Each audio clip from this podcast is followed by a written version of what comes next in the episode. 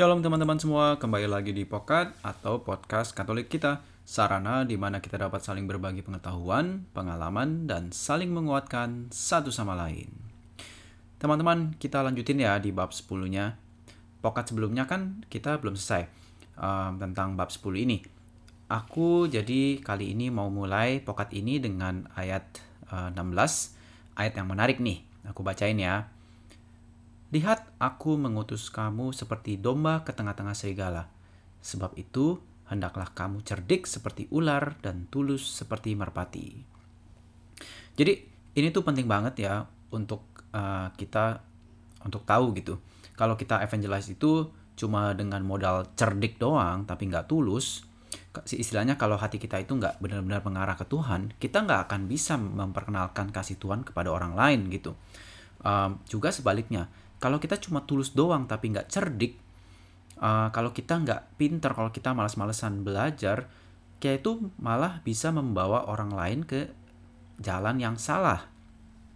Teman-teman, um, ingat nggak dulu yang mungkin kalau misalnya kalian pernah ke sekolah minggu ya, mungkin pernah dengar cerita tentang monyet dan ikan.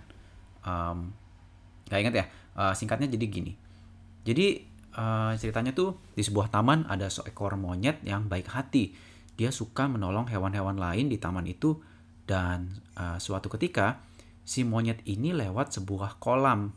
Terus dia kaget gitu kan. Wah, ada ada yang ada ikan uh, di di dalam kolam ini dia dia tenggelam dia tenggelam gitu. Tolong tolong gitu. Um, akhirnya karena si monyet ini baik hati kan, dia terjunlah ke kolam untuk menyelamatkan si ikan ini. Dia tangkap si ikan dan dia bawa keluar dari kolam. Nah, apa yang terjadi? Ikannya malah mati. Sesuatu yang suatu hal yang bisa terjadi pada diri kita gitu. Ketika kita itu ignoran untuk selalu mau bertumbuh dan belajar. Kadang-kadang intensi kita itu baik, tulus gitu. Tapi karena karena kita itu uh, apa ya? nggak uh, nggak belajar karena kita itu nggak nggak mengerti bener-bener kita malah bisa membawa orang lain ke jalan yang salah malah menjatuhkan mereka gitu malah membuat mereka celaka. Um, contoh nyata yang pernah aku dengar juga kayak gini nih. Uh, jadi dulu aku pernah dengar waktu di Indo ini dari seorang uh, pewarta awam yang sudah senior ngasih nasihat kayak begini. Konteksnya ini dalam kehidupan perkawinan ya. Jadi dia bilang gini ke uh, seorang suami daripada kamu stres marah-marah terus kamu nanti tergoda selingkuh mendingan kamu nonton film porno aja deh sebagai pengganti atau sebagai pelampiasan gitu istilahnya. Soalnya itu dosanya kan nggak nggak berat-berat lah istilahnya nggak lebih berat daripada selingkuh gitu. Um, terus terang waktu aku denger ini langsung speechless sih. Uh, perasaanku tiba-tiba sedih gitu loh. Serius ya teman-teman. Jangan pernah ignoran untuk belajar dan bertumbuh. Dari pengalamanku sih uh, semakin aku banyak belajar, semakin aku tuh merasa aku tuh nggak tahu apa-apa. Jadi jangan sampai hal itu tuh bikin kita uh, stop lah untuk belajar gitu. Ngerti ya? Kita lanjutin. Di ayat 19 dan 20. Ini juga uh, mirip sama sebelumnya. Jangan sampai kita itu ignoran untuk uh, belajar. Bunyinya gini, apabila mereka menyerahkan kamu, janganlah kamu khawatir akan bagaimana dan akan apa yang harus kamu katakan karena semuanya itu akan dikaruniakan kepadamu pada saat itu juga.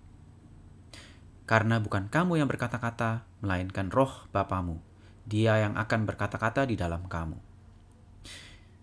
Nah, jadi ini uh, salah satu ayat yang sering disalahartikan atau mungkin dijadikan sebagai alasan kalau ah ya udahlah, nanti kalau emang kita mau evangelize, kalau memang kita ketemu orang atau kita apa, kita harus mem memberitakan kabar gembira Tuhan, Roh Kudus sendiri yang bakal ngomong buat kita. Jadi kita tuh nggak perlu belajar, kita tuh nggak perlu persiapan. Nanti juga keluar sendiri yang mau diomongin gitu. Tuntunan Roh Kudus kan. Kagak gitu juga ya. Itu namanya nyusahin Roh Kudus sih sebenarnya. Kita itu justru uh, kita itu justru kalau misalnya punya kesempatan kita kudu prepare ourselves sebaik-baiknya dan dengan full effort kita. Nah, Roh Kudus akan ngebantuin kita. Iya, pasti tapi jangan istilahnya ngasih PR gitu buat uh, Roh Kudus ya. Roh Kudus itu bukan office worker atau pegawai kita yang kita suruh-suruh untuk ini itu gitu. Oke, ngerti ya? lanjut. Um, di bab ini yang menarik lagi buat aku berikutnya tuh ini nih. Di ayat 35 dan 37. Bunyinya begini. Sebab aku datang untuk memisahkan orang tua da orang dari ayahnya, anak perempuan dari ibunya, menantu perempuan dari ibu mertuanya. Dan musuh orang adalah orang-orang seisi rumahnya. Barang siapa mengasihi bapa atau ibunya lebih daripadaku, ia tidak layak bagiku. Dan barang siapa mengasihi anaknya, laki-laki dan perempuan lebih daripadaku, ia tidak layak bagiku. Pas denger ini teman-teman merasa aneh banget gak sih? Lah, emang Yesus nggak mau kita baik-baik sama orang tua kita, sama keluarga kita, kok malah jadi musuh? Tapi, kalau ini yang dengar orang-orang Yahudi di zaman Yesus, mereka bakal langsung relate ke something else. Yang pasti uh, pastinya ke seorang nabi namanya Maikah. Kita bisa lihat di Maikah atau bahasa Indonesia Mika bab 7 ayat 6. Coba nih teman-teman bisa relate nggak ke bacaan Matius tadi? Aku akan bacain ya. By the way, ini konteksnya adalah uh, tribulation sebelum Allah itu menyelamatkan umat umat Israel ya. Bacaannya begini. Sebab anak laki-laki menghina ayahnya, anak perempuan bangkit melawan ibunya, menantu perempuan melawan ibu mertuanya, musuh orang ialah orang-orang seisi rumahnya. Sama nggak sih sama yang Yesus bilang tadi di Injil Matius? Jadi dengan kata lain, masa susah yang datang sebelum Israel diselamatkan itu akan benar-benar terjadi gitu.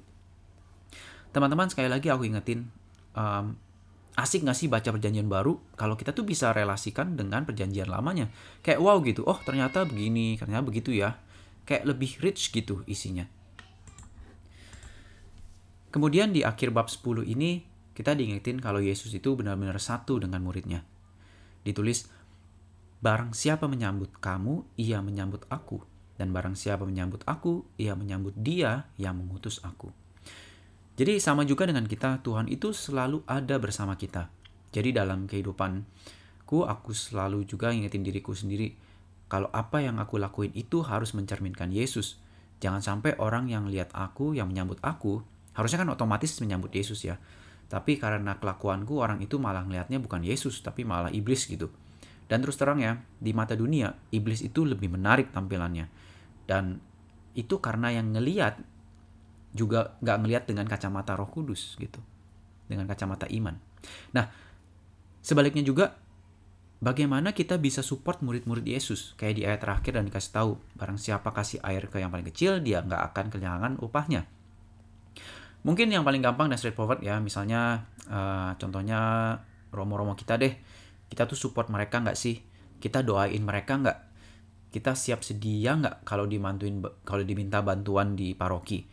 Atau malah kita males-malesan, ogah-ogahan? Ayo, ingat lagi tuh kata-kata Yesus tadi. Apa yang kita lakukan ke murid Yesus, dia lakukan yang ke paling kecil, upahnya nggak akan terlupakan loh. Nah, jadi uh, sampai sini dulu ya bab 10-nya. Kita lanjut ke bab 11 di pokat berikutnya. Ada hal yang menarik banget di bab 11 nanti. Jadi teman-teman jangan lupa uh, dibaca dulu. Nanti kita aku akan share lagi apa yang menarik di bab 11 itu uh, buatku di pokat berikutnya. Aku tunggu feedbacknya di DM Instaku ya, at. Thank you for listening and God bless you all.